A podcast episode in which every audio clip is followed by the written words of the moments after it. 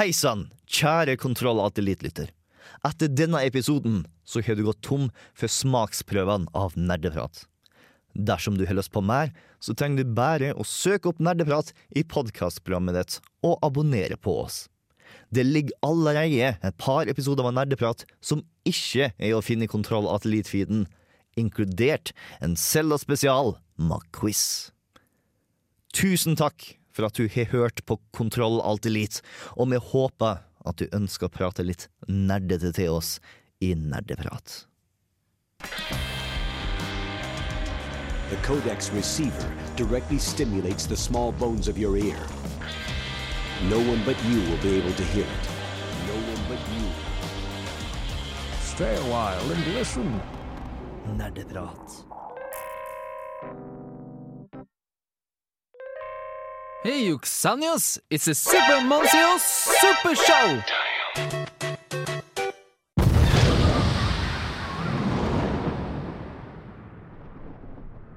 Og nå skulle egentlig komme en men så fantes det ikke en instrumental av Super Mario Super Show.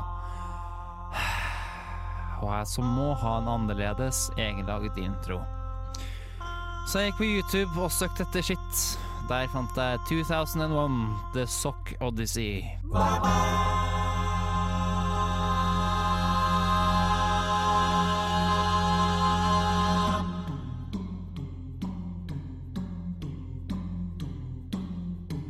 Altså 2001 The Space Odyssey med sokka. Det du hører på nå. Sending. Å ja. Vi skal jo ha sending.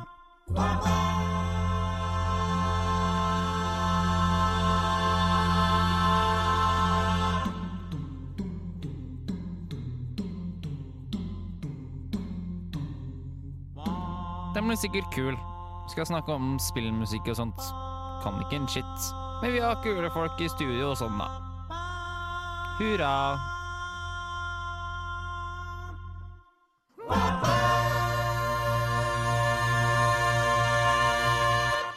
Og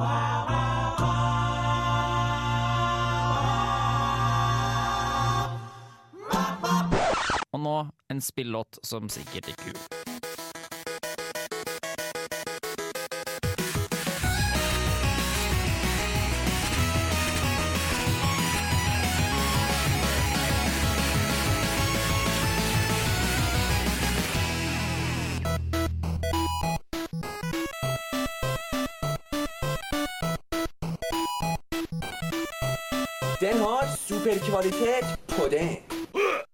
Du fikk Blackout City av Anna Managuchi, og etter det en jingle laga av Øyvind i Uillustrert vitenskap. Et program som absolutt er verdt å høre på. Men nå hører du på Nerdeprat her på Radio Revolt, som er spillmagasinet som jeg har gående her på radioen.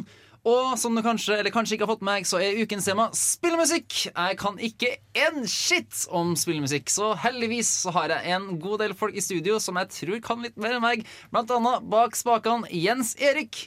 Halla. Du, Hva har du spilt siden sist? Å, gud a meg. Jeg uh, har uh, spilt og gjennomført et Ubisoft-spill som heter Grow Home, som ble litt sånn sniklansert på Steam for en uh, tid tilbake. Det anbefales hvis du var en kid sånn som jeg var, som likte å klatre i trær og fjellskråninger og sånt noe. For det handler utelukkende om at du som en liten robot skal klatre opp en enorm bønnestengel. Og på denne bønnestengelen så er det sånne skudd som du skal gro ut til svære greiner. Disse greinene skal du koble til sånne svevende sånne steinøyer som Ja, svever opp i flis. Lufta. Og da gror liksom den stengelen seg lenger og lenger opp. da Og så skal du liksom opp til romskipet ditt. da Det er uh, veldig veldig gøy, uh, syns jeg. Og det er utviklet av et uh, Ubisoft-studio som utelukkende har laget bilspill. Oi! Og kjøring til uh, og liksom og kjørebiten av Watchdogs. Det faktum at de får til et spill liksom et plattformspill som handler om klatring, og liksom friformklatring, det syns jeg er veldig veldig kult. Uh, jeg har også ervervet meg den eh, nye deilige New 3DS XL. Som alle andre eller som, som jeg til å begynne med tenkte kanskje ikke var så nødvendig å kjøpe. Men i ettertid så har jeg funnet ut at vet du hva, den er litt bedre enn den gamle 3DS-en min. Det er den. Eh, og eh, fordi jeg da hadde mulighet til å stappe inn et større minnekort enn det 4 gigabyte store minnekortet som fulgte med, så stappa jeg inn 32 gigabyte, og vips så hadde jeg tolv ganger så mye uh, blokker, eller hva faen det heter, inni den der til lagringskapasitet. Så da lasta jeg ned uh, The Legend of Zelda Links Awakening, som var et spill jeg spilte da jeg var sånn 12-13 år gammel. Og uh, koste meg med det, og er overrasket over hvor mye som liksom, av det spillet som bare kommer tilbake, sånn rent naturlig, sånn, som ligger i ryggmargen. Hvor jeg liksom vet at å ja, nå har jeg fullført det, ok, jeg vet at jeg skal gå dit, og så skal jeg ned der, og så skal jeg opp dit, og da finner jeg den nøkkelen, og så skal jeg ta med den nøkkelen dit, og så skal jeg gå rundt, og så kommer jeg inn i tredje tempel. Sånne ting, da. Uh, det syns jeg er veldig, veldig spennende. Ikke spør meg om hvem som er finansminister i Norge, for det vet jeg ikke. Men spør meg hvor du finner den fjerde nøk altså nøkkelen til det fjerde tempelet i Links Awakening, så kan jeg guide deg dit. Det skal jeg ikke gjøre, men uh, det, er, ja, det er veldig veldig spennende hvordan, jeg, uh, hvordan det er ting som sitter igjen. da Fordi det er det hjernen min har bestemt seg for er brukbar informasjon. Men Jens Erik, kan du guide noen i blinde? Uh, nei, det kan jeg nok ikke. Eller jo, kanskje. Jeg vet ikke. Jeg tror, jeg må, jeg tror de må forklare hvor de står, og liksom hvor navnet er og sånt noe. eller hva navnet er. Så, så kan jeg kanskje gjøre det. Noen som iallfall kan guide meg blinde om chiptunes, er jo Torben. Halla! Hei. Du, Hva har du spilt siden sist? Tja, jeg, eh, sist torsdag så satt jeg hjemme og så på VU eShop. Og kunne finne noe å spille. Og Der fant jeg et spill som heter Blek, eller noe sånt. Og det er visstnok kommet ut til Android og IOS før. Men Altså nå BLEK. BLEK. Uh, ikonet til en ser ut som en rumpe. Det er sånn helt seriøst at du undrer Fett. på det i går. Ja, det, ja, det stemmer. Det stemmer. Men hva det går ut på? Ja, Det går ut på at uh, du eh, tar pekepennen, og så tegner du noe på skjermen. Og uh, den bevegelsen du gjør, vil så bli repetert i det uendelige. Så du Oh. lager på en måte en strek som beveger seg, og så skal du få den streken til å være nær alle de fargede uh, sirklene på brettet. Men den skal ikke være nær noen svarte sirkler. Og så får du Det er rett og slett et puzzlespill der du skal gå gjennom bane for bane og uh, få Få la, lage en liksom en bevegelse som får med alle de. Spennende. Cool. Den, det, som- det som er litt tiltalende ved spillet, er eh, estetikken. Fordi at uh, det er ganske sånn simpelt og stilrent. Men jeg syns også det ble litt- kanskje litt kjedelig. At det mista litt av sjarmen sin ved at det skulle være så, så perfekt. på en måte Ja, skulle være litt for stillent Bård, du som er litt sånn opptatt av stilrenhet eller ikke stilrenhet, tror jeg. Ikke så smooth transition, men hei, Bård. God naben, Kristoffer.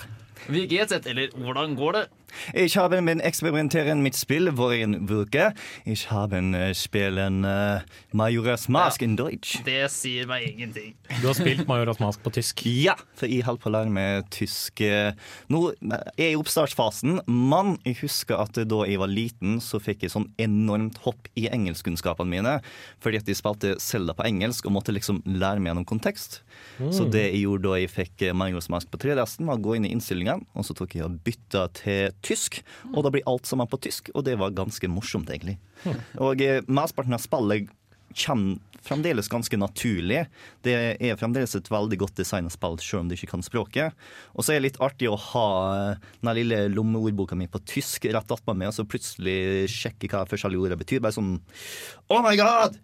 Skullkid tok og kalte Epona for et esel. Vent, kanskje esel er det tyske ordet for hest? Nei! God damn it, Skullkid! Som for øvrig på tysk heter Horrorkid. Makes sense. Men føler du at det funker? Jeg føler at det funker. Selvfølgelig, når jeg kommer hjem ganske sent på kvelden og har veldig lyst til å spille Majoras Mask, så tar jeg meg den friheten til å gå tilbake til engelsk, fordi å, det å oversette er morsomt, men det er veldig slitsomt også. Så uh, læringa tar jeg når jeg har kreftene tidligere på dagen. Lurt. Anders, du har gjort en annen type oversetting i det siste, med Dwarf Fortress blant annet. Men uh, hvordan det går? Jo, uh, guten Tag, ich bin Anders. Eh, å- Nei, vi skal ikke ha tysk her! Sorry, jeg forstår det ikke. Nei. Det som snakker tysk, det er et fint språk. Men hva var det egentlig du spurte om? Nei, om du har spilt med det siste? Hvor- Ja, det har jeg. Dwarf Eh, Fortress, kanskje? jeg. Jeg begynte litt på Dwarf Fortress etter sendinga, sånn, eller dagen etterpå. Altså for seks dager siden. Stemmer det? Sjekka kalenderen. Det gjør det. Eh, Da begynte jeg litt med Dwarf Fortress igjen, og så innså jeg at nei, vet du hva, dette her er mer avhengighetsskapende enn black tar heroin for min del. Så jeg tror kanskje jeg legger fra meg litt. Du, du har blitt hekta, altså. Nei, men jeg ser veldig at jeg begynner å se litt sånn Skjønner. De første tegnene. Mm, jeg rister litt nå for at jeg ikke har spilt det på en stund. så du unngår det aktivt. Aktivt unngår jeg. Dæven. Mm. Men jeg på min side har ikke aktivt unngått ting. For at jeg har også fått meg en ny TDS, og på den nye TDS-en har jeg fått meg Monster Hunter og For Ultimate! Som er veldig morsomt. Eh, jeg har spilt det så å si hele tida. Jeg kjøpte jo den Majøs Mask Limited Edition 3DS-en som får dere får med Mohios Mask på. Men jeg har ikke spilt det så mye, for da har jeg spilt for mye Monster Hunter òg. For det, det Jeg trodde du skulle liksom kaste deg over Majora's Mask og spille gjennom hele skiten på 24 timer. Eller noe sånt. Nei, men så fant jeg Fordi det høres ut som en ting du ville gjort. Ja, men så fant jeg Monster Hunter Ro, og da måtte jeg spille. Var jeg på grunn av Solurgate? Ja, Solurgate. Sant det. Kjære Og så skrur vi ned litt lyden? Nei, nei, nei. Kjære lytter. Du må ikke skrive ned så mye, Jens Erik. Hallo. Vet du hva de har gjort i Majoras Mask 3DS? Vel, de har faktisk fjernet soluret med et drittklokke som stresser meg hele tida. Fjernet all symbolikk, alt. Derfor hashtag Solurgate. Sant, noen, noen er med på temaet, Chris. Du forklarte aldri ta første gangen, men hvor er symbolikken Han. Ok, Symbolikken i det gamle soloret i, 3D, eh, i um, Nintendo Mask. 6 Ja. I Nintendo 64-versjonen så var det så hadde et solur, og det var veldig svært. Så det tok opp veldig mye av skjermen, og de tikka rundt. Og det som var så fint med det, var at først ga et press på at det var tid hele tida. At du hadde en tid å følge, og så var det også press på at uh, Det var også bare generelt mye mindre stressende. Den viste deg at tida gikk. den viste at tida gikk. Ja. Og så var den også var så mye, mye penere enn den der stygge lille baren som har. Jeg synes ha den. Ja, så med andre ord, det, Hashtag Solurgate! Neste låt! Hvem tok med som andre ord, som for å oversette din hysteriske prat, det som en gang var en, en, en halvsirkel, hvor, det- hvor det gikk en sol sånn sakte, men sikkert over, har nå blitt byttet ut med en sånn, sånn flat, sånn firkantet sak, hvor du liksom, de teller hvert sekund. Det, Stemme! Hashtag Solurgate! Neste det er jeg enig i kan være stressende, men etter hvert, i hvert fall som jeg merka, så slutter du å bry deg om det. Hashtag Solurgate! Neste låt! Hvem tok med. Mutato-musikken? Det var jeg. Uh, fordi jeg tenkte litt sånn uh, Vi skal ha om spillmusikk, og da tenkte jeg ok, spillmusikk Hva? Jeg gidder ikke ta noe sånn nytt og moderne fiss, så da tar jeg noe fra, som jeg spilte fra da jeg var yngre. Og da gikk jeg med en gang til Crash Bandicoot 2 av en eller annen grunn, som jeg syntes hadde veldig kul musikk. Så trolla jeg en sånn eh, spillmusikk eh, en sted hvor de eh, litt sånn semilovlig har lagt ut masse spill-soundtrack. Og da ble det rett og slett Fordi det jeg husker veldig godt fra Crash Bandicoot 2, var disse nivåene hvor du enten ble jaget av eller satte deg på en bjørn og løp av gårde nedover et brett. De var noe av de morsomste som var å spille i det spillet, og de var også noe av de vanskeligste nivåene. Og da måtte jeg selvfølgelig velge uh, låta som heter Bear It. Den heter også Bear Down, og den heter også Totally Bear. Fordi det er det nivåene som den spilles i heter. Så selvfølgelig har den da tre forskjellige navn, og eh, den høres sånn cirka slik ut. Og med en gang jeg hører dette her, så er det nostalgi for meg. Og hvis du har lyst til å faktisk høre all musikken vi snakker om, så bør du gå på dusken.no slash radio slash nerdeprat, eller følge linken i episodebeskrivelsen, slik at du kan høre episoden på Stream on demand.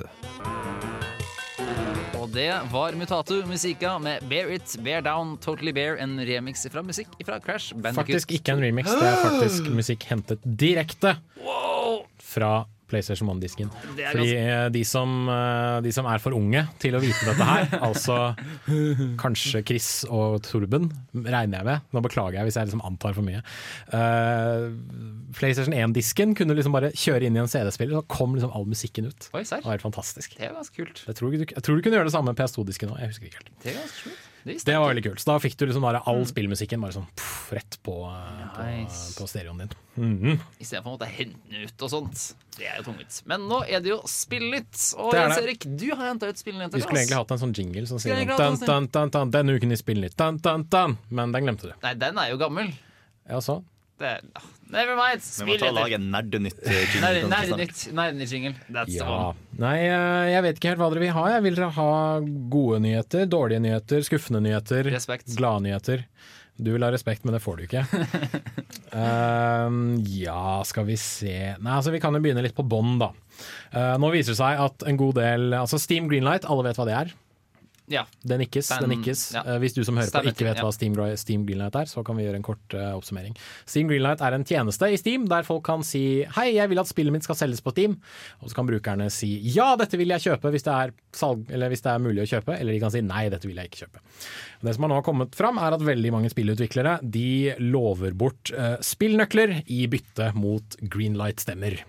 Eh, og uh, dette er litt sånn skittent uh, spill, syns jeg, og det er vel strengt tatt det Steam Greenlight alltid har vært. Det har vært litt sånn skittent spill. Og det har alltid vært en sånn tjeneste som man kan game, som man kaller det. Man kan gå inn og så kan man kludre litt med systemet, og man kan rett og slett få det som man vil. Det er et uperfekt system, og det er rett og slett bare Valve som sier nei, vi, vi, vi vil ikke bestemme hva som skal spilles eller ikke, så vi lar folket avgjøre det. Men folket er noen forbanna idioter, så folket gjør det folket vil, rett og slett. Men Valve sier eh, kan dere være så snill å slutte, please, for dette gagner verken tjenesten eller kundene.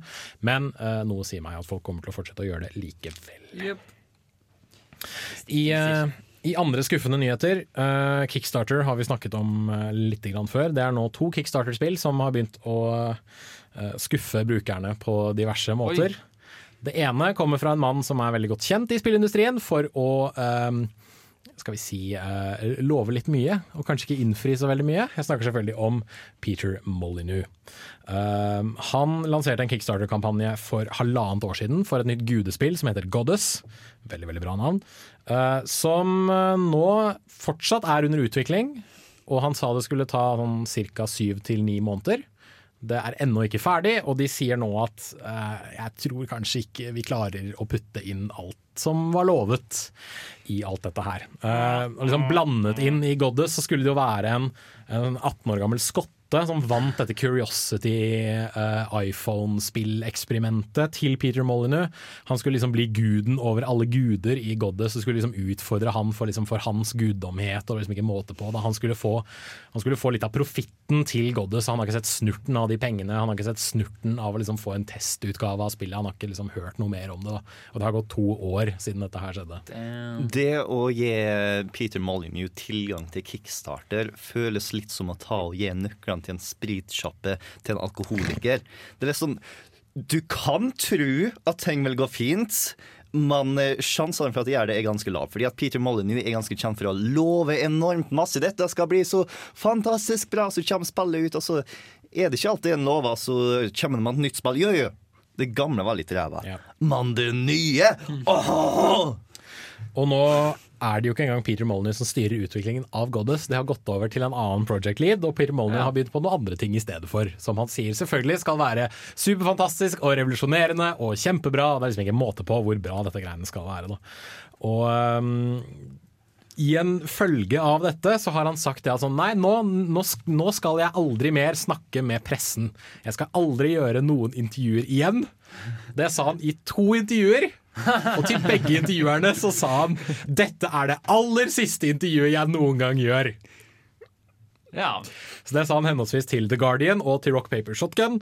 Um, og uh, ja uh, Jeg syns litt synd på Peter Molyneux, men jeg syns også han til en viss grad får litt som fortjent. Fordi han er En kødd?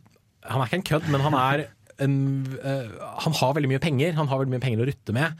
Og Det bør ikke være nødvendig for han å gå til Kickstarter og be folk om penger, for da vil han garantert få min, langt mindre penger enn det han egentlig trenger. Som er nettopp det som har skjedd. Han er litt den eh, kreative artistversjonen av den eh, lille gutten på skolegården som er altfor stor i kjeften og skal si at han skal Ja. banke opp alle sammen. Og så når ting faktisk skjer, så klarer han ikke å følge opp det han har sagt. Han er en liten fisk i en stor dam som tror han er langt større enn det han er. Jeg har òg en sammenligning jeg har lyst til å få med her. Ok. Eh, Det er litt sånn som å å se Passion of the Christ på kino, og så blir du skuffa for at du forventer ikke at den hadde den slutten som den hadde. Such metaphor, many logic. Tusen takk, tusen takk. Wow. Eh, i, I andre Kickstarter-nyheter så er det et, uh, et spill med navn The Stomping Land, som skulle være et sånn åpen verden-overlevelses-dinosaurspill. Og Andreas, nei Anders, beklager. Anders ser ut til å være veldig veldig gira. Var dette noe du var venta skikkelig på? Jeg har ikke venta sånn kjempemye på meg, men det, var sånn, det sto mellom det og et annet sånn overlevelsessimulatorspill når jeg skulle eh, kjøpe et spill. Ja. Og så kjøpte jeg ikke det. Men dinosaurer er kult. Jeg tror du skal være veldig glad for at du ikke putta noe penger i The Stomping Land. Fordi nå viser det seg at uh, fyren som sto bak alt dette her, Alex Jig Fundora Han heter ja, Fundora. Det, det, liksom, det burde vært den første advarselen, spør du meg. Uh, han, har kanskje, han har mest sannsynlig tatt de 100 000 dollarene han fikk via sin Kickstarter-kampanje, og stukket av med pengene. Oi. Fordi det er en, en frilans 3D eh, sånn character artist, sånn figurtegnerfyr, som eh, har sagt det at eh, nå har han ikke fått betalt for det arbeidet han gjør på The Stomping Land, og det ser ut til at han godeste Alex Fundora bare har eh, ja, rett og slett tatt pengene og stukket av, og gidder ikke gjøre noe mer med utviklingen av spillet. Så eh, hvis du gir ting til Kickstarter-spill, så har liksom regn med at de gjennomfører, eller i hvert fall sånn, sats på at de gjennomfører. Dette er den store faren med dette her, men rett og slett folk har blitt lurt. og det Ikke gi penger til folk som heter Fundora. Ja, men det var liksom Når du begynner med Kickstarter, så er det det du blir introdusert til. Du kjøper ikke ting på Kickstarter, du tar og sponser muligheten for Ja. å få ting. Og det er det veldig mange tror, da, at det man gjør via Kickstarter er at man kjøper et spill. Men du gjør ikke det, du investerer. Og veldig ofte går investeringer til helvete, men folk skjønner ikke at det er det som er greia. Uh, skal vi se, det er sånn mer dritt som driver og ruller og går her. Uh, The Last Guardian, Uh, dette fantastiske myteomspunne spillet som holder på å bli det nye eh, Duke Nukem Forever. Jeg tror det har vært under utvikling hos Sony i sånn ti år nå. Det har vært lenger i utvikling enn Half-Life 3. Nettopp. La det synke inn. Og Half-Life 3 har vel strengt tatt ikke vært under utvikling i det hele tatt. Men nå viser det seg at Sony på et visst punkt mistet rettigheten til navnet The Last Guardian. Um, ikke helt hvorfor, men det var, jeg vet ikke helt hvorfor, men det var en sånn slurvegreier. Og da trodde alle at ok, nå er, nå er det endelig, endelig dødt, liksom. Men nei da. For Sony. Sony kommer ut uh, og sier til GameSpot at nei, nei, dette jobber vi med fortsatt. Um, Oh boy. og eh, ja, Det har rett og slett skjedd en administrativ feil fra PlayStation Americas side, men The Last Guardian kommer, altså. Det kommer sikkert til å ta liksom, like lang tid som alderen til universet, men på et eller annet tidspunkt så skal det komme. For dere der som ikke er så kjent med The Last Guardian, det er det tredje spillet fra Team Ico-utvikleren fra Japan. De to andre spillene de har utvikla, er Ico og Shadow of Colossus, som begge to kom ut på PlayStation 2. Yes. Så dette har uh, vart en stund. Eh, The Last Guardian skulle opprinnelig komme ut til PlayStation 3. Og uh, en fyr jeg kjenner, han ble så bergtatt av hvor vakker den første traileren var, at han satt og grein under E3 da den ble vist på internett. Ja, vi kan ta litt, eh, litt gladere nyheter. Nå melder Valve at Dota 2 på et tidspunkt hadde over én million spillere. Woo! Gratulerer. Samtidig. Samtidig. Oh, nice. Ah. det skjedde under eh, hendelsen New Bloom Festival, som er en, eh, en sånn in game Dota 2-greie, der de feirer kinesisk nyttår. Og der, eh, der har man altså, Der slåss man med en sånne, sånne beast, sånn beist-ting mot hverandre i sånn ca. ti minutter. Hele dritten var i ti minutter, så selvfølgelig logger alle seg på samtidig for å spille igjen dette her. For de tenker sikkert at hei, her kan jeg få en gratis hatt, eller et eller annet sånne ting. Så da hadde de eh, på et tidspunkt 1 075 464 spillere. Men det er eh, et hestehode langt, langt, langt, langt, langt, langt, langt bak eh, League of Legends, som eh, på et tidspunkt har hatt mellom fem og 7,5 millioner spillere pålogget. Oh. Samtidig for omtrent to år siden. Lykke til. Så Valve må liksom bare fortsette videre. Og apropos e-sport, dere. Eh, nå har det Det skjer mye i e-sportverden eh, i Norge for tiden. Eh, Gamer.no har slått seg sammen med Telenor for å sponse en svær eh, Gamer.no-styrt liga. Og Som den kalles Telenor-ligaen, selvfølgelig. Og nå har TV2 kasta seg inn i dette e-sport-greiene da, og har inngått et samarbeid med House of Nerds, som har åpna i Oslo. Og for rett og slett lage en e-sportliga som skal starte i mars. Spennende, for House of Nerds åpner jo for en bitte liten stund siden. det? Det har nettopp åpnet, faktisk. Og eh, Så det de skal gjøre, er at TV2 står for liksom de redaksjonelle bitene, og eh, liksom sender dette her på eh, TV2 Sportskanalen og på internett og alt mulig sånne ting, mens House of Nerds står liksom for den tekniske biten. da. Hva er House of Nerds? House of Nerds er et uh, sted i Oslo der du kan sitte og lane. Du, hvis du er en e-sportutøver, så kan du få deg et uh, Hva skal jeg si Du kan gå dit og trene mot andre mennesker. Du kan, uh, det skal bli sånn samlingssted for Barcraft, altså visninger av Starcraft 2-matcher. Så det skal være litt sånn samlingssted da, for, for e-sport og nice. spillinteresserte mennesker i Oslo. Så du kan betale engangspris for å komme inn der én dag og spille på maskinene deres som vanligvis er oppgradert med ganske nice deler. Mm. Eh, Som skal klare å spille det meste som er der. Og, eller ja, som sagt kompetitivt. Kan du kjøpe season passes og sånn. da Ja, så det er litt som en PC-arkade? Ja, så å si. Ja. Og de, de har rett og slett svære rom da, med liksom bare masse PC-er. Så kan du spille stort sett det du vil. PCs everywhere.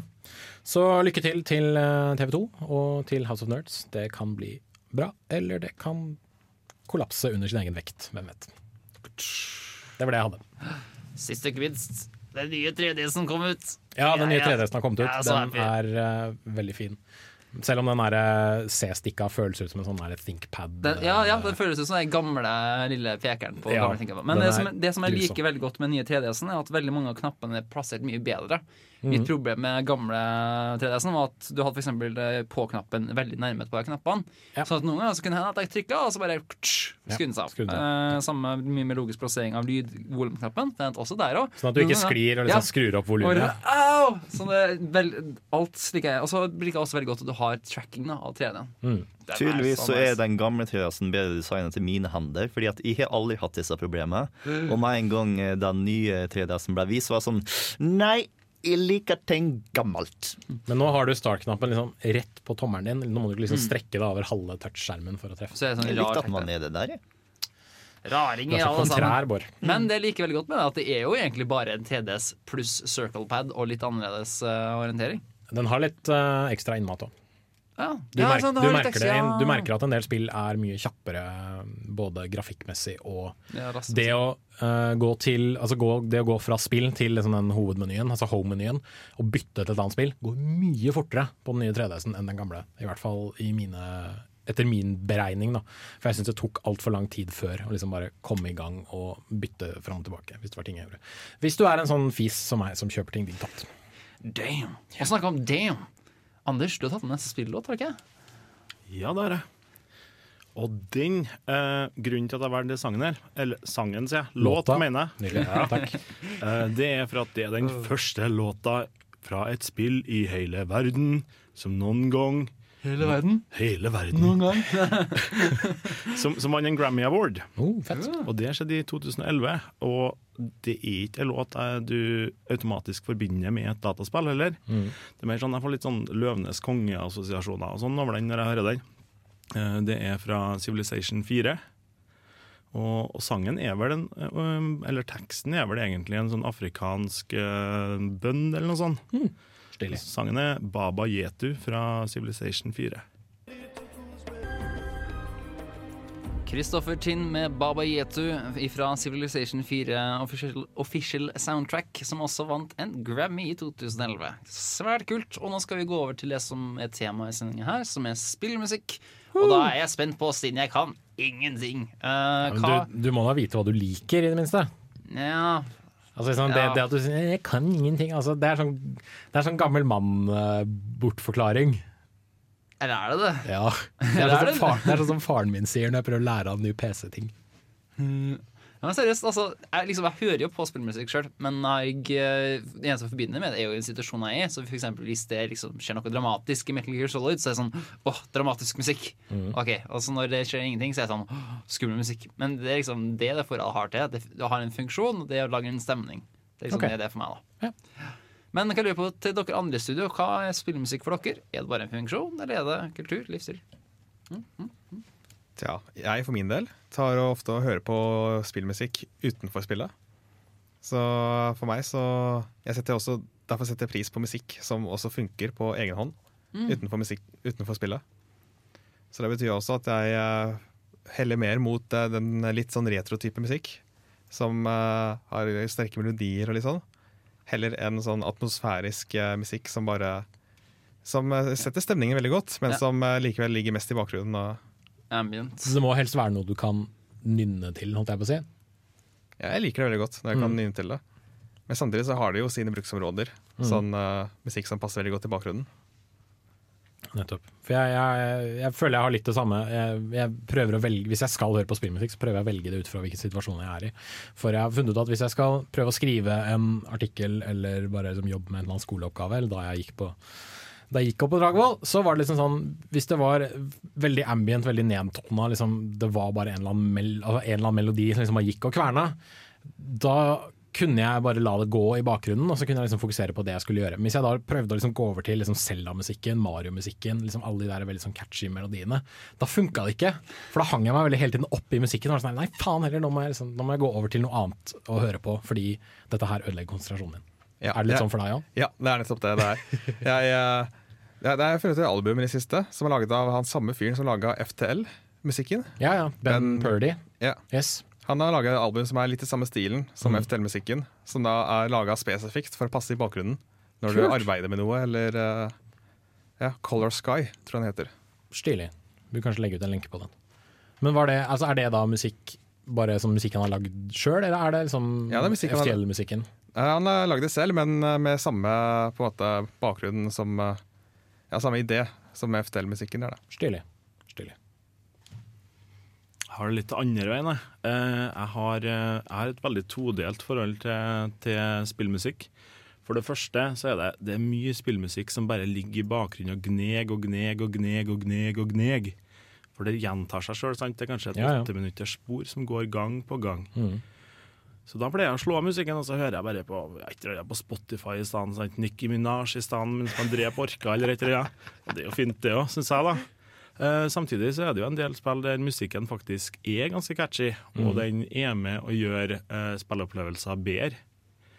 Men ikke i multiplayer-spill, det må være sagt. Er du sånn som droner ut rosa helikopter og sånt og til de andre spillerne når du, når du spiller multiplayer-spill? Siden, siden du har bakgrunn som troller og sånt? Du ga meg nettopp en ny idé. What have you done?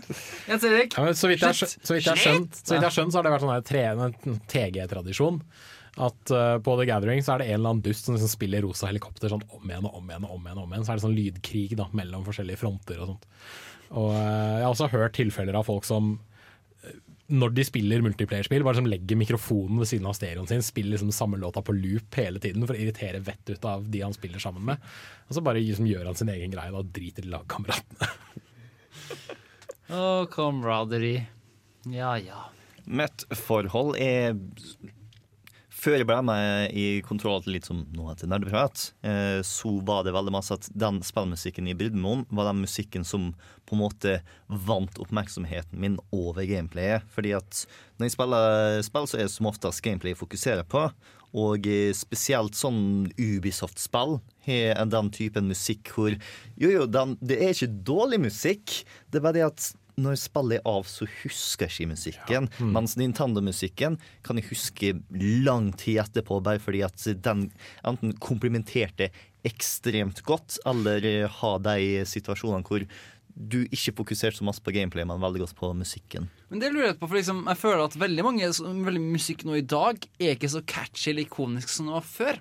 Har det noe å gjøre med at det var Nintendo i barndommen, eller har det noe med teknologibegrensninger som måtte gjøre at man måtte lage enkle melodier? eller noe sånt? For jeg tenker at Nintendo 64 hadde muligheten for eksempel, til å lage ganske avanserte melodier. Men uh, dem som jeg husker mest, er jo eksempel dem fra Ocarina of Time. For der har du enkle sånne sekstoners melodier som du må spille sjøl hele fuckings tida. Men de kan det iallfall. Men Jens Erik, Uh, Extra Credits gjorde en episode på akkurat det, uh, som vi kan legge ut i episodebeskrivelsen til denne her, når den legges ut på, på nett som podkast. Og det er rett og slett teknologibegrensning, fordi en gammel lydchip i en NES eller en SNES kan bare gi så og så mye Altså så og så mange toner samtidig. Så de måtte forholde seg til få toner, enkle melodier som da kunne liksom være catchy og kunne liksom gå litt i loop. Da. Det er rett og slett det som har skjedd. Men nå har de jo da digitale verktøy. De har langt bedre uh, lydkort både i datamaskiner og i spillkonsoller. og alt mulig sånne ting. Så de kan da gjøre veldig store sånn orkesterverk. Og det har ført til veldig mye kul musikk. Altså, øh, jeg vet jeg snakker dritt om Metal Gear Solid-serien hele tiden, men temaet fra Metal Gear Solid 2, den derre? Den hele den greia der, knallbra musikk. Kjempebra. Harry Gregson Williams, filmkomponist. Altså, kjempe, kjempebra. Uh, sammen med liksom, Super Mario Galaxy-musikken. Svært orkesterverk. Nydelig musikk. Men veldig mye av det blir liksom bare sånn blir sånn kvernemusikk, rett og slett. Og liksom ikke noe som, som Og da, da tror jeg det kommer an på i stor grad komponisten.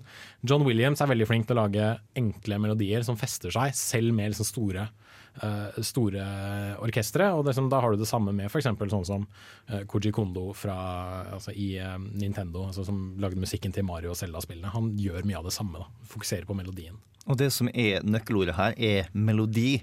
Fordi at veldig masse av den spillmusikken som uh, kommer i dag, er ikke melodier så masse som det Hva heter igjen eh, Som bakgrunnsmusikk, sånn eh, Jeg tror det heter bakgrunnsmusikk. Det heter et på det, tror jeg.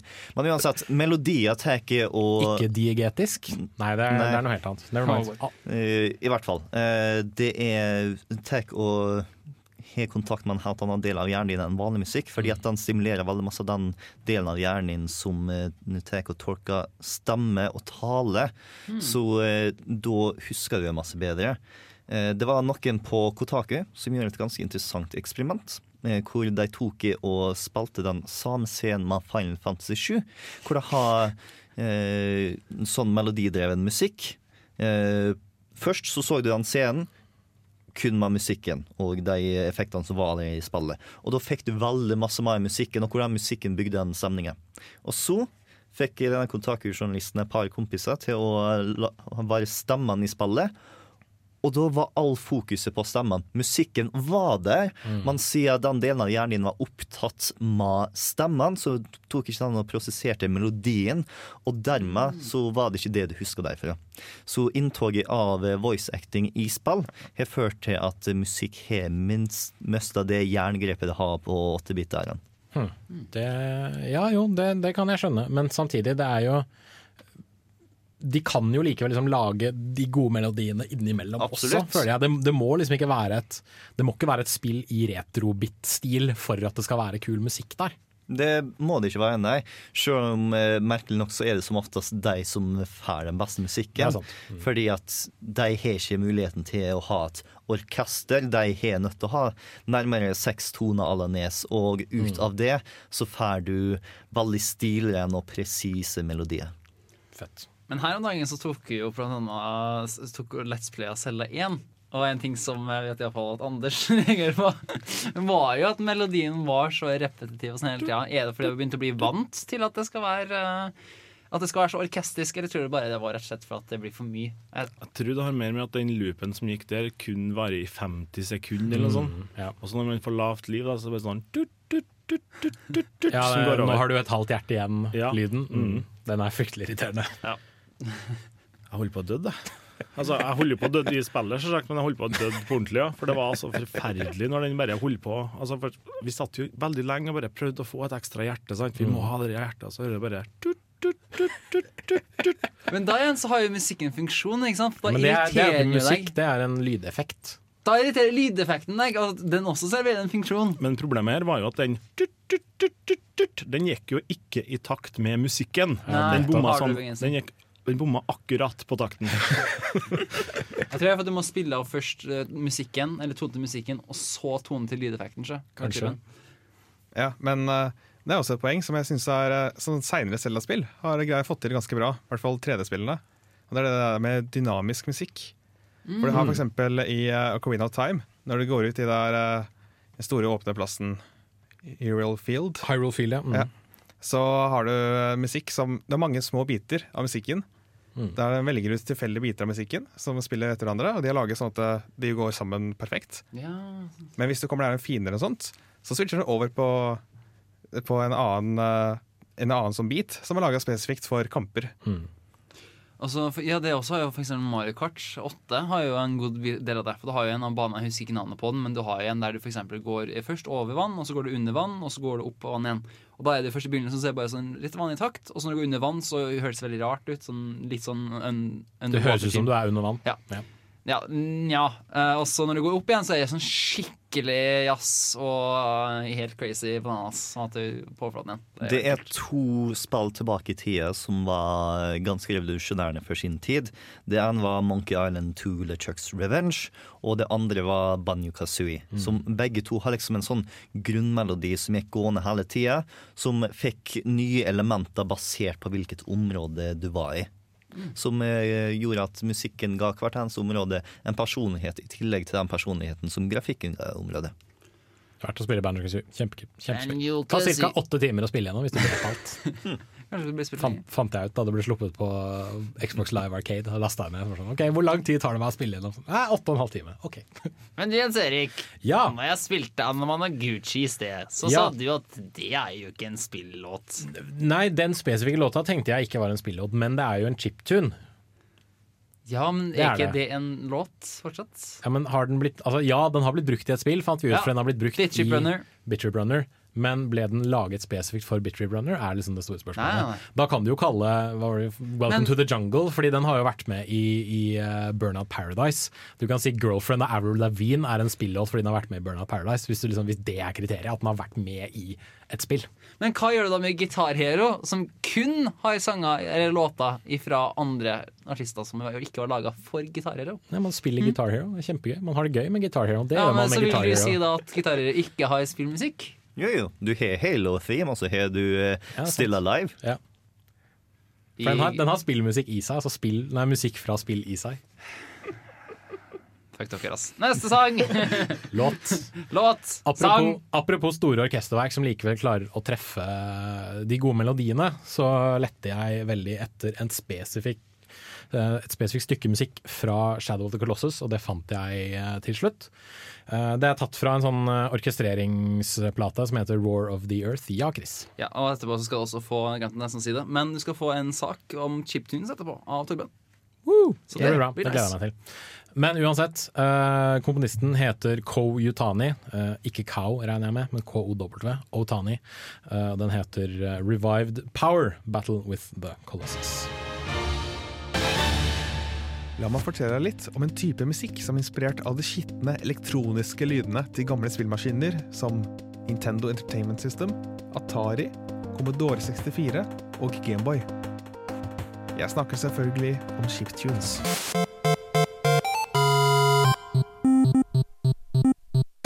Chiptunes er musikk som bruker gammel maskinvare, eller som får det til å høres sånn ut i det minste.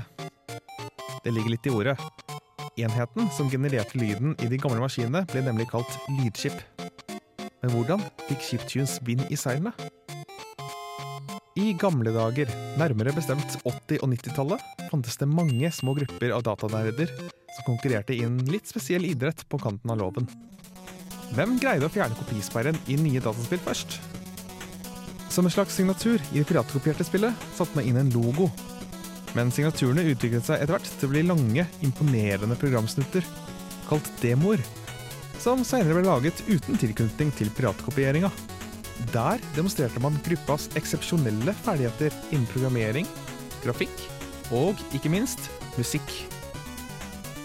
Yrende komponister fikk dermed en arena, demoscenen, der de kunne briljere med sine ferdigheter.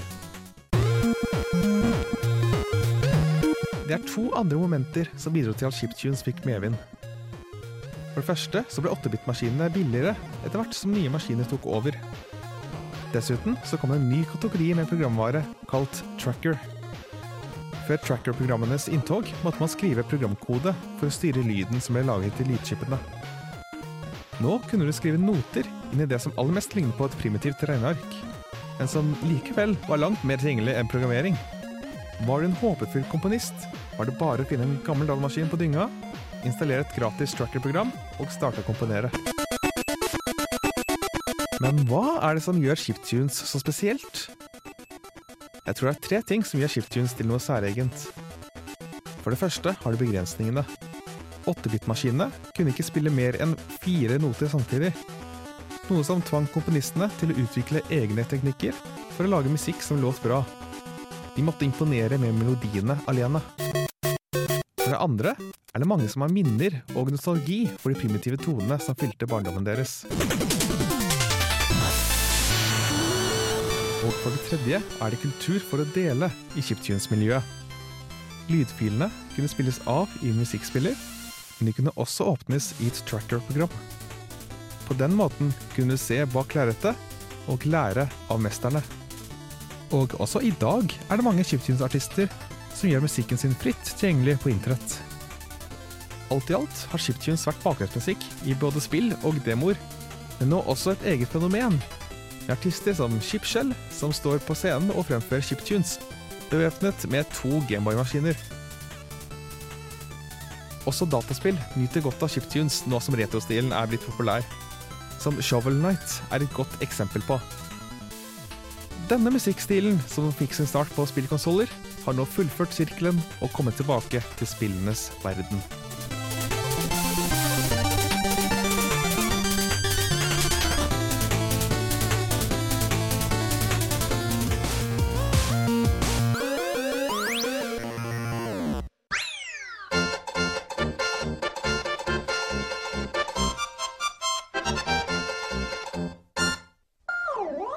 Fikk Focus av Chipcell, som var fra spillet, eller en låt fra spillet Super Hexagon. Og nå skal vi begynne å gå over til ja, Takk forresten for uh, sak, eh, Torben. For nå skal vi jo snakke Reportasje. om Reportasje! For nå skal vi jo snakke om slike chiptunes. For at jeg hører iallfall nede på chiptunes, og jeg vet en del at dere andre også hører på chiptunes. Hvem er det her som hører på chiptunes? Håndsopprekning, selv om de sier ingenting til lytteren. Ok, Anders, du rekker opp hånden. Ja, det gjorde jeg. Hva er ditt forhold til chiptunes? Å ja, det var det du lurte på, ja. Search, search.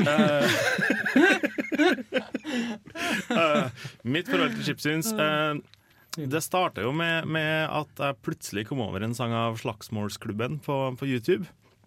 Som, som vi har spilt i et tidligere program her.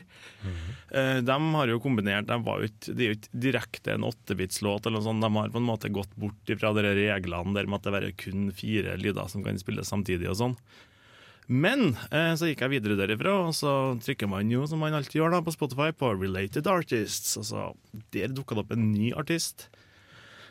Og så ble det bare et dypdykk i chiptunes. Og siden da så har jeg liksom jeg har chiptunes når jeg kjører bil, jeg har chiptunes på treningslista mi, jeg har chiptunes som ringetone på telefonen min. Chiptunes på brødskiva på morgenen. Ja.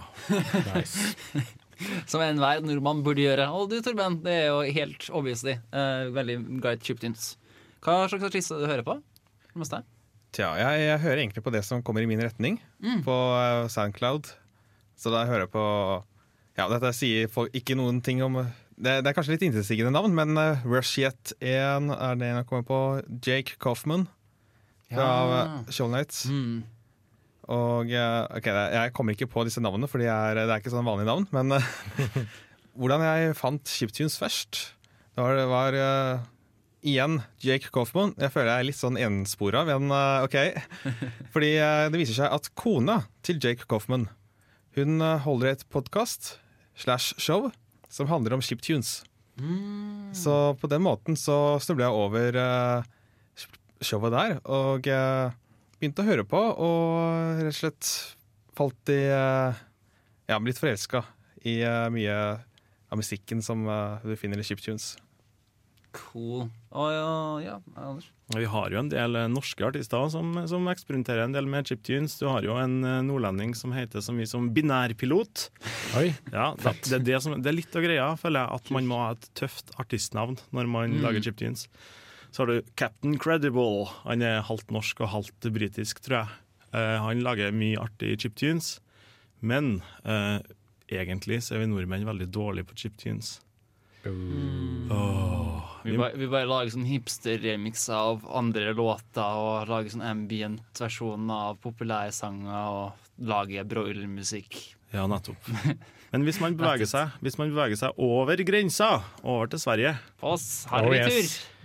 Jævlar, de er så gode, de. De har uh, Ninjaspark, uh, Dunderpatruljen.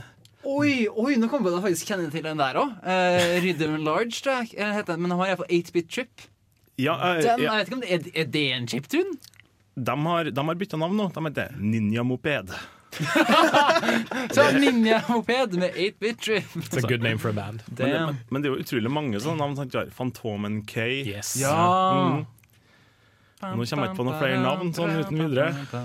Den var fin. Fantomen K er kjempekul. Ja, men det er litt sånn synd at han bare har laget Han har vel egentlig laget én sånn her plate som du kan finne på Spotify. Og så tror jeg liksom ikke du finner så mye mer av han. Jeg har prøvd å google litt rundt, men jeg finner ikke så mye av tingene han har lagd. Det var vel en det var, eh, Dunderpatruljen hadde jo en konsert på Dreamhack. Jeg lurer på om det var i forrige fjor. Mhm. Eh, og da, da tok de og hadde med han Fantomen K, for han er med på denne sangen som heter To the Moon. Som er en sånn, Jeg tror den visstnok har noen assosiasjoner til en av de internettpengene som har dukka opp. Ikke bitcoin, men Dogi. yes. Dogecoin. Dogecoin, ja. Så jeg tror kanskje det Doggy, Doge. doggy. Dogi. Hei, doggy. Ok, jeg sier Doge. Bam! Jeg er, sånn, Bam! Nei da, sorry. Det jeg er en sånn original jævel som sier Doge istedenfor Dogi. Fordi Doge er mye morsommere å si. Syns jeg, i hvert fall. OK, da, Jens Erik. Eh, Neste, neste låt ute Duel versus Fortress Leader, og det er vel du, eh, Tormund, som tatt med? Ja, Dette er spill fra et uh, Gameboy Color-spill som kun kom ut i Japan. Uh. Fordi dette var så seint at uh, det, hvis det hadde kommet ut på, i Europa, så ville det vært lenge etter at Gameboy Advance kom ut. Okay. Ja, okay. Så, eh, men jeg syns det er utrolig god bruk av eh, de begrensningene. Eller det, det, det er veldig, høres veldig bra ut, til tross for å være Gameboy Color. Og utrolig catchy. Så derfor har jeg tatt med denne på lista.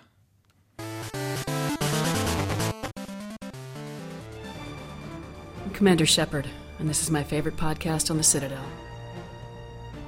Du fikk Duel versus Fortress Leader, og vi kjører på slik at du får mer spillmusikk i denne spillmusikkfylte episoden. Og vi kjører videre med en ny chiptune, som er Warp Room. Ikke en chiptune. Er det ikke en chiptune? Nei, det er nok en låt hentet Erik. fra Crash Bandicoot eh, 2. Gort- Cortex Strikes Back, eh, og det er, eh, den heter Warp Room. Og med en gang jeg hørte den her i stad, så kom egentlig nostalgien tilbake sånn med en gang. Så her får du tre og et halvt minutt med Warp Room.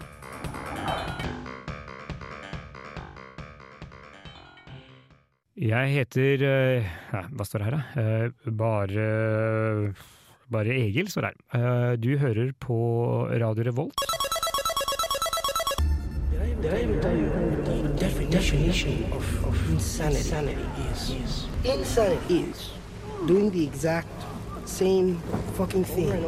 Doing the exact, doing the exact, doing the exact. Du fikk 8-bit trip av Room, eller hva fant du ut var nye navnet? Ninja Moped. Ninja Moped.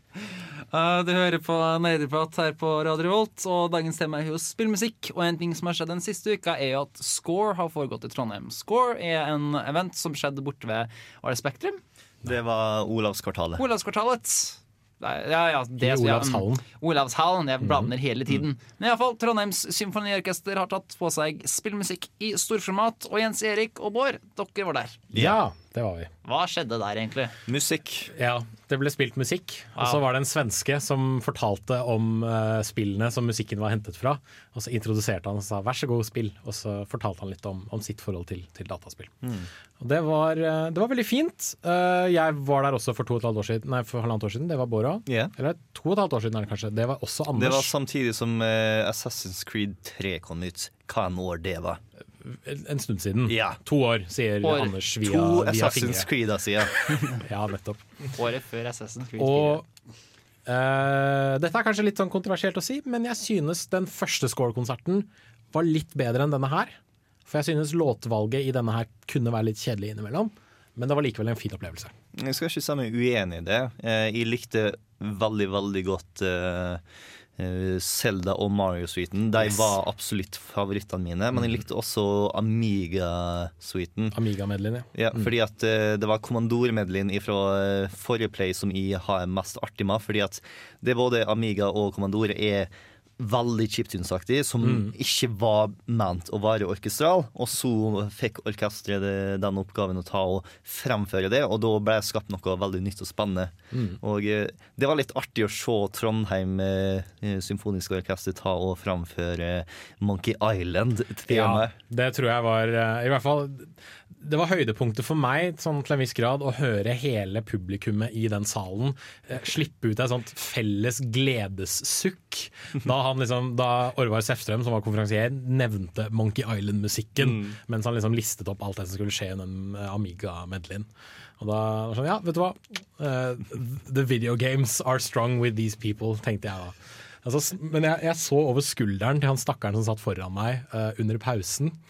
Og så satt han og sendte, sendte tekstmelding da, til en eller annen kompis noe, hvor det sto sånn derre Ja, konsertet er fint, men jeg har ikke kjent igjen noe av musikken ennå. Jeg var sånn Å, å, kjære, unnskyld. Beklager. Under pausen En av de siste tingene som var før pausen, var Mario-musikken. Mario-medleyen, altså. K- k- Hvordan klarte du ikke å kjenne igjen det? Kanskje han utelukkende har spilt Fifa hele sitt liv, jeg vet ikke. Men også den ja, Mario-medleyen, helt fantastisk. De hadde jo valgt uh, låt, 17 forskjellige låter, tror jeg, fra uh, Super Mario Bros helt fram til Super Mario Galaxy. Og bare liksom sveve mellom alle de der eh, låtene var kjempegøy. Og jeg, det er det jeg liker best da med denne type konserter, er å liksom høre ok, hvordan hvordan tar de disse gamle låtene, som var med veldig, enkle, altså med veldig enkel teknologi framført, og, og putter det inn i en liksom stor orkesterkontekst. Da. Og med både Mario og Selda så er det liksom en sånn standardformel som har oppstått, da, som eh, er best eksemplifisert i den uh, plata som heter The Greatest Video Game Music, uh, som er gitt ut av eh, London Filharmoniske Orkester. Hvor på Mario-medleyen så spiller de den vanlige som hovedtemaen, den. Og så spiller de den undergrunnstemaet, den. Og så spiller de uh, vann, altså svømmetema, og det er alt. Det er liksom standardformelen. Samme med Zelda-greia også. Det er liksom, det er liksom hovedtema, og det er standardformelen. Men de valgte å ikke gjøre det, og det syns jeg var, liksom, det var deilig. For meg, i hvert fall. Og i sa suiten av Mario og Zelda, så var det de bitene som var liksom det skumle og det litt onde som var favorittene mine. Da jeg hørte liksom eh, De drog veldig hardt på kontrabassene, og det var liksom de mørke tonene som kom inn. Fordi at det er veldig fint å høre på fiolina, de lyse fløytene og sånn som der, men når det ble litt grov og fikk kasta inn seg trommen, da var det sånn mm, Ja! Eller han- Dette kan ikke få i stua. Liksom han bak flygelet som sitter og spiller Dungeon Theme fra det første Legend of Zelda. Sånn dun, dun, dun, dun, dun, dun. Ah, Det var veldig, veldig fint. Men det som var mest spennende å se på under konserten Fordi at det er ikke så masse visuelt som skjer under en uh, storflott konsert. Nei, de Men det- spiller jo bare. Men det er den bakerste raden. Fordi at der så har jo sånn fem personer med 18 instrument. De instrumentene brukes kanskje sånn tre-fire ganger i løpet av konserten, men det er de som har styr på det. Så Ja. av og til så er jeg en som er nødt til å ta og lage en lyd som høres ut som en ambolt. Og så er det en som tenker å stand klar med altså, to tallerkenene som i sikkert het fem Cymbaler. Cymbalene. Og bare sånn OK, om et halvt minutt så skal jeg skje noe! Så skal jeg slå disse sammen. Uh, de, de hadde jo til og med en gong-gong bak der. Mm. Den ble brukt to ganger i løpet av to timer. Det, var gøy, det må være gøy å slå med den, da. Like, Det er sikkert kjempemorsomt. Jeg har lyst liksom- på en gong-gong hjemme i stua. Ja, jeg tenker at uh, Det altså, det var ikke ment å være morsomt, men jeg bare tenkte sånn Det hørtes rart ut. Jeg vil ha en gong-gong hvordan, hvordan baker man det i en samla sånn? Nei, hva spiller du? Nei, jeg spiller gong-gong. Jeg står med en slegge og bare boom! It's all about the tempo, man. Uh, ja. Men uh, jeg syns sånn, altså Uh, Jeg har jo vært på Score før. Jeg har vært på Play en gang i Oslo. Play var ikke like bra som Score, men jeg syns det er litt synd at det måtte en svenske til for å få dette her til å skje to ganger i Trondheim. Fordi hvorfor er det ikke noen nordmenn som har tenkt at hei, dette er gøy, dette vil jeg liksom prøve å være primus motor for. Men det, liksom, ja, det var en svenske som måtte gjøre det, da. Men Sverige ligger foran oss på veldig mye. En ting som jeg eh, la veldig merke til under konserten, er at du også får en enormt masse større respekt for lyd enn du vanligvis har. Fordi at på en eh, vanlig konsert, sure du har respekt for lyden jeg som framfører, men som oftest så er det en god del eh, lyder som skjer uansett. Folk drikker og danser litt, det drikkes, det er småprat, og det er høy volum uansett. Hvis du er på kino, sure du har respekt, men du er ikke redd for å rote i popkornet ditt. Jeg var sulten og satt der nå og skulle åpne en Snickers-pakke. Det tok meg sånn to minutter. Og dette var sånn under åpninga av Final Fantasy 7-teamet, som var, var sånn veldig rolig lenge.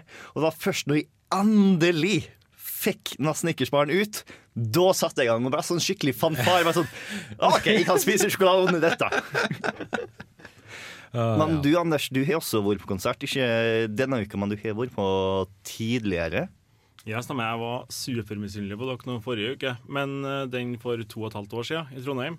Så har jeg vært på begge, begge playkonsertene som har vært i Oslo.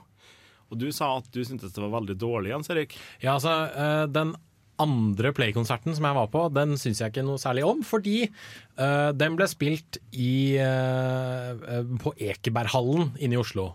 Og det er egentlig en glorifisert gymsal. Ja, det var det jeg trengte å høre. For den første, åh, den var fantastisk. Den var det, ja. Det var det. Ja. Uh, jeg vet ikke om det var sånn på den dere var på, uh, men når jeg var og så første play, så spilte de, spilte de av eh, videoer fra de forskjellige spillene Ja, på det- storskjerm i tillegg. Det gjorde de der jeg var også. Åh, det var så fint. Det, det, men det er det er dere gamle, altså den Commodore og Mm. 8-bits-medleyene og sånn. Det er så fantastisk. Men Anders, spilte de i en glorifisert gymsal? Ja, det vil jeg. Ikke, ikke, ikke første gangen, for da var det på varemessa på, på Ja. Lillestrøm. Lillestrøm, heter det. Ikke Lillehammer eller Lillesand, men Nei, det, Lillestrøm. det er litt langt unna. Fra Trøndelag, altså. Trøndelag. Men nå må vi nesten bevege oss videre. Men først så har vi en låt fra en slik play-greie. Eller hvem var det som la til denne? Det var Isofan tak i eh, Battlefield 2-themen framført av London Filharmoniske Mm. Orkestra, eh, som er ifra hvilken av Greatest Video Game-musikken? Det er den første The Mm. Greatest Video Game Music-plata. Det er sånn Amazon bonus-skit som Mm. har eh, kjøpt og betalt for. Yeah. Så ikke, ikke stjel ting, please. Men du finner den i Spotify. Ja, Anbefales å høre på. Det er bare å sjekke ut begge så eh, albumene er helt fantastiske å høre på.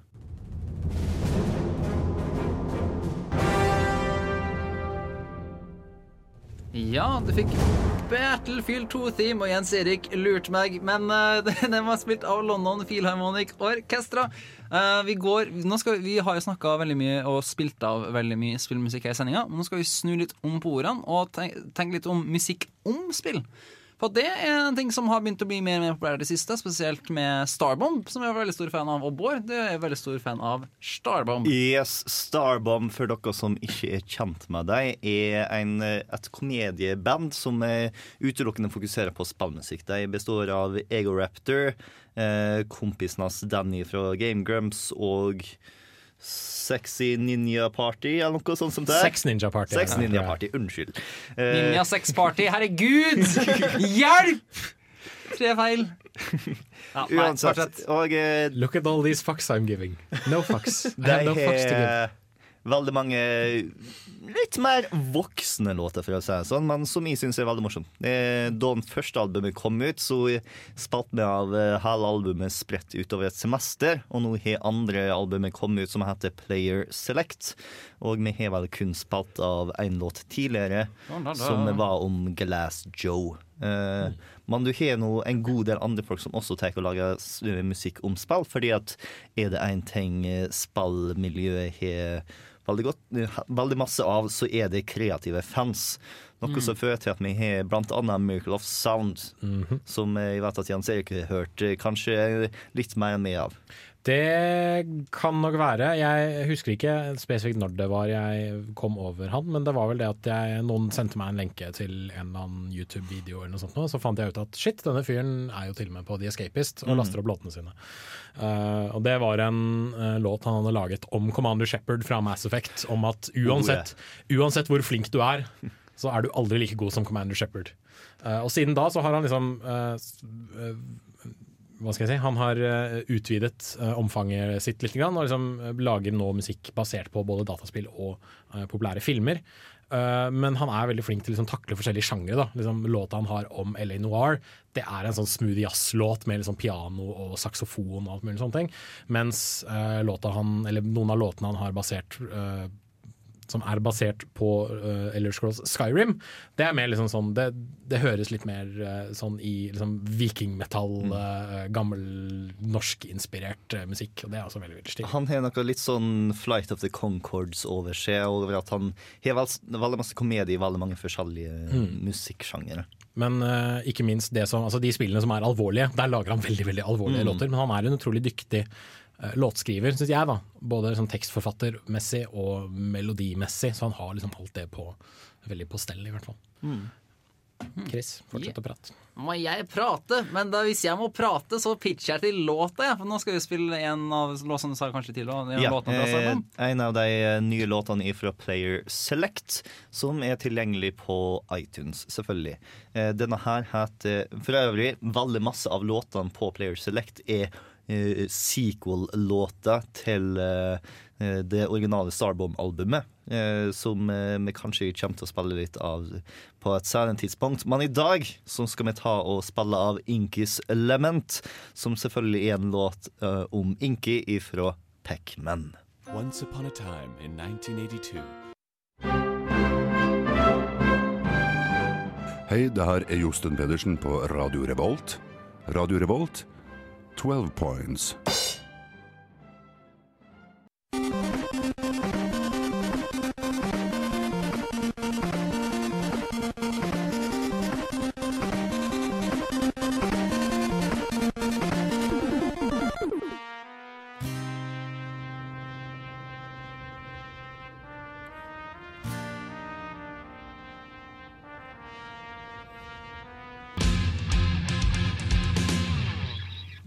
Fikk Inky's Lament av Starbomb, og etter det så fikk du eh, The Quick and the Blue av The Megas. Den, du hørte den første 30 sekundene du hørte det, var fra originalen, og så etterpå så fikk du remixen-versjonen. da. Og Hvordan var det du beskrev den, Anders? Kalte det for en Radio Revolt-remix. Men, men sangen til The Megas den handler om å være Quickman i Megaman 2. Det er en trist sang om å være en robot. Og det er egentlig bra at vi begynner å ta opp eh, remixer, for det er jo det som er neste og siste musikksegment. Og ja, remix generelt er noe vi har spilt opp ganske mye med i både Kontroll til Elite og Nederprat.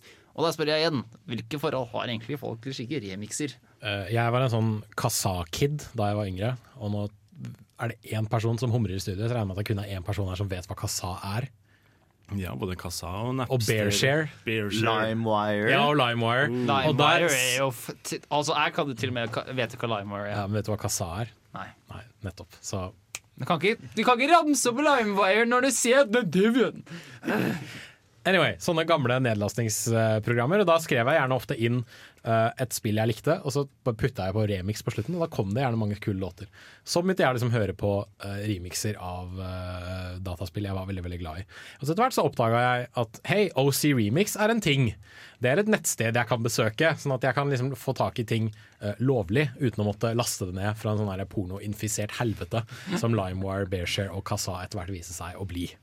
Ja, for OC Remix, Overclocked Remix, er et fantastisk nettsted når det gjelder eh, remixer, altså.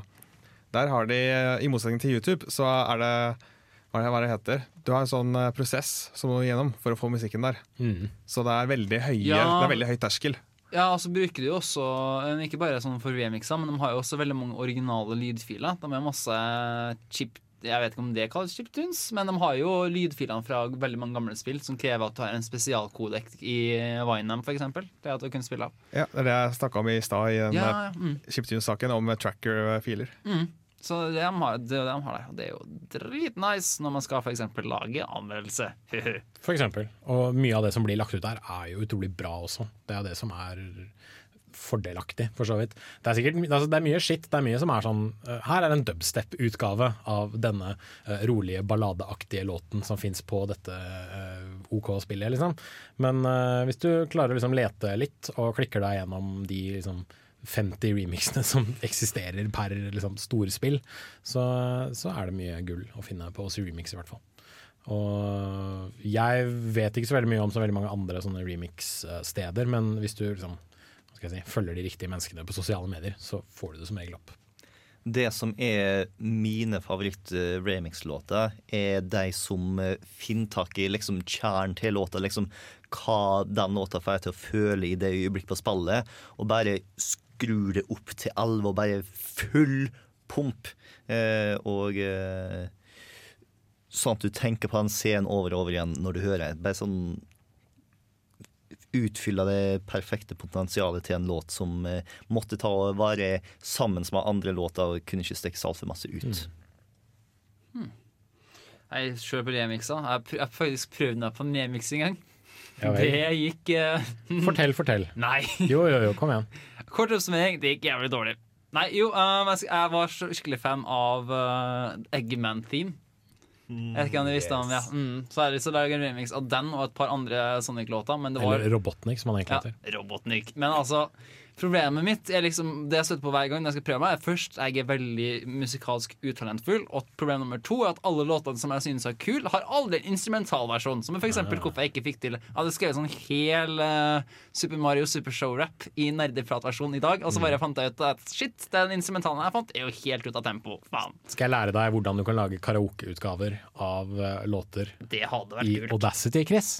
Ja, men den metoden suger jo. Nei, Den funket da jeg skulle synge Ducktales-retroen min for et par uker siden. Det Å, ja. funket veldig veldig greit for meg, i hvert fall. Damn, da må den ha blitt bedre. Da skal jeg gjøre det. Kult. Yes. Kanskje jeg skal gjøre med remixen min også, selv om den mest sannsynlig ikke kommer til å høres særlig bra ut uansett. Men noe som høres bra ut, er remixene som vi har funnet. Og det som vi kommer til å gjøre med de remixene som vi har funnet, er at vi spiller av den første 30 sekundene av den originale, før vi tar og bare skur rett inn i remixen. Og først ute er jo Chrono Trigger og Vindsiden. Er det deg, Jens Erik? Det er selvfølgelig meg, Chrono fordi Trigger. Chrono Trigger er et av mine favorittspill, og jeg syns musikken der er nydelig. Eh, Jeg har tatt fram en remix som vi har spilt det et par ganger før, fordi jeg er veldig veldig glad i den. Eh, Det er en eh, OC Remix-kar som kaller seg for Klutz, KLUTZ. Han har gitt ut to remixer i løpet av de sånn fem-seks årene han har eh, vært aktiv på OC Remix. Det er, det er den her og en annen, jeg tror det er en Zelda-remix. jeg kan ta feil. Men uansett. Han har tatt uh, wind scene, altså musikken som spilles når du reiser bakover i tid første gang, til uh, 600 år uh, etter deres tidsregning i Chrono Trigger, og rett og slett bare gjort det om til en veldig sånn rolig, stilig eh, og veldig nydelig pianolåt.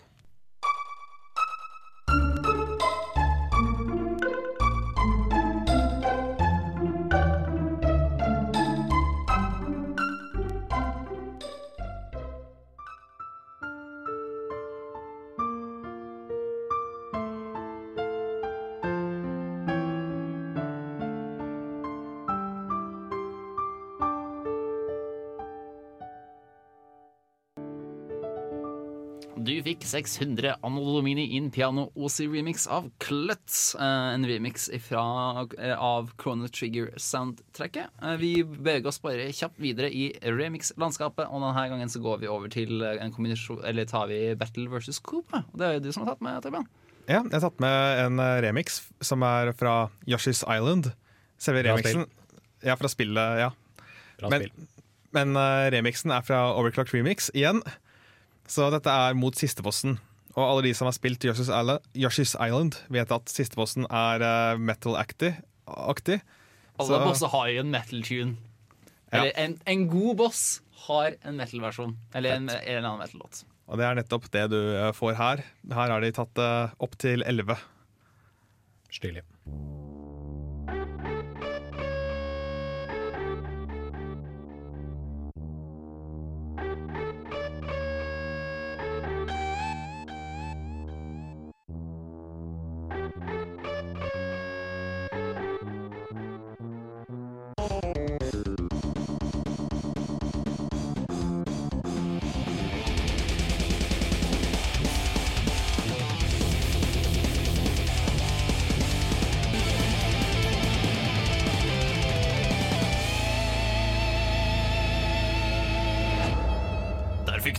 Heavy metal-versjon av Battle vs. Copa. Men nå skal vi gå videre. Uh, vi er nesten ferdig med sendinga, men før vi skal gi deg tips om hvor du kan finne musikk sånn generelt, eller om du, hvor du skal finne remix og sånn, så skal det være én siste låt. Vi snakka jo tidligere i dag om litt om dynamisk musikk. Og det, og det kan jo det kalles det som du har valgt nå, Anders. Ja, stemmer. Vi, eh, I sommer, altså i fjor sommer, eh, så satt jeg under sommersalget på Steam. Som vi alle gjør. Å nei, tenkte pengeboka mi. Å nei, så visakortet mitt. Å ja, sa Anders. Eh, og så så jeg dette spillet her sånn, og så tenkte jeg hm, jeg husker på at det fantes et spill for 100 år siden som heter Great Giana Sisters. Og da blir Nintendo sint når jeg nevner det. Men, men eh, spillet hadde i hvert fall fantastisk musikk. Og spillet kosta ca. den samme prisen som en kroneis i løpet av Steam-salget. 25, altså. Ja, det var bare 17-18 kroner, mener Ja, jeg å huske på. Mm. Men så, jeg- så jeg kjøpte det uh, uten å vite noe som helst, og så begynte jeg å høre på musikken. Bare åh, fy flate, for en musikk. Og, og, og spillet er jo en platt, et plattformspill. Man bare sånn 2D, 2D sidescroller-spill.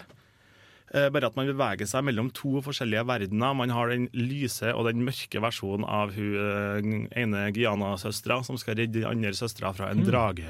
Spennende.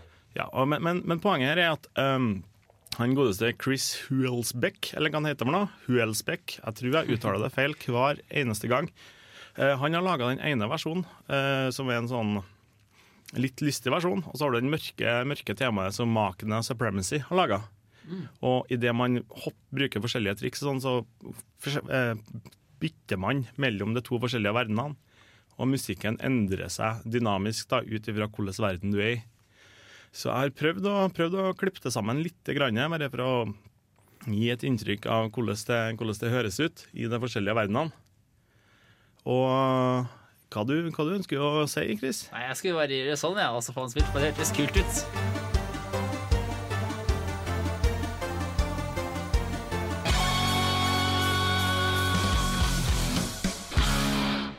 Der fikk du et innblikk i hvordan musikken er i Great Giana Sisters. Men nå har jeg lyst til å spille Monster Huntero! Så det skal et eller annet, på et eller annet vis bety at sendinga nærmer seg slutten. Men før vi slutter sendinga, så skal du få vite litt hvor du kan finne diverse spillemusikk. Og jeg, jeg som kan ingenting, må jo spørre dem i studio som kan ting, om hvor finner man det egentlig. YouTube har masse spillelister. Du kan også ta og finne subredditen Videogame Music, som har yeah. masse snacks. Og selvfølgelig ocremix.org. Hvis du har lyst på chiptunes, så ligger mye av det på Bandcamp. Men det er ikke så lett å søke seg fram på chiptunes der, kanskje. Men eh, Men et tips kan være hvis du uh, søker opp spillet du liker på Wikipedia, finner ut at å ja, uh, det, artisten som har lagd denne musikken heter dette. Og så bare googler du navnet og legger til pluss bandcamp. Da funker det som regel ganske greit. Har jeg funnet ut. I hvert fall. Og dersom du har lyst til å høre oss snakke enda mer om spillmusikk, så viser det seg at vi har mer eller mindre en uoffisiell tradisjon om en gang i året å ta og ha spillmusikkepisoder. Vi har hatt det i februar 2014 og i mars 2013, så linker for det finner du i dusken.no-artikkelen vår. Ja. Der finner du også linker til podkasten Top Score, som eh, handler om ei dame som tar intervju en hel haug folk som lager spillmusikk, inkludert eh, Grim Fanango, Bioshock, Transistor, Dead Space, alt mulig annet rart. Og link til YouTube-kanalen Major Third, som handler veldig masse om uh, teorien bak spillmusikk. Husk at du finner oss på Facebook, Twitter, Instagram, Google pluss Ø. Og, og ja, ja, YouTube. YouTube er en viktig å få med seg, for snart kjenner video der. Endelig! Og Soundcloud Og oss Soundcloud er også en greie. Takk, Torbjørn Bresen, for at du fiksa. Det er ganske digg, så der skal vi produsere små klipp.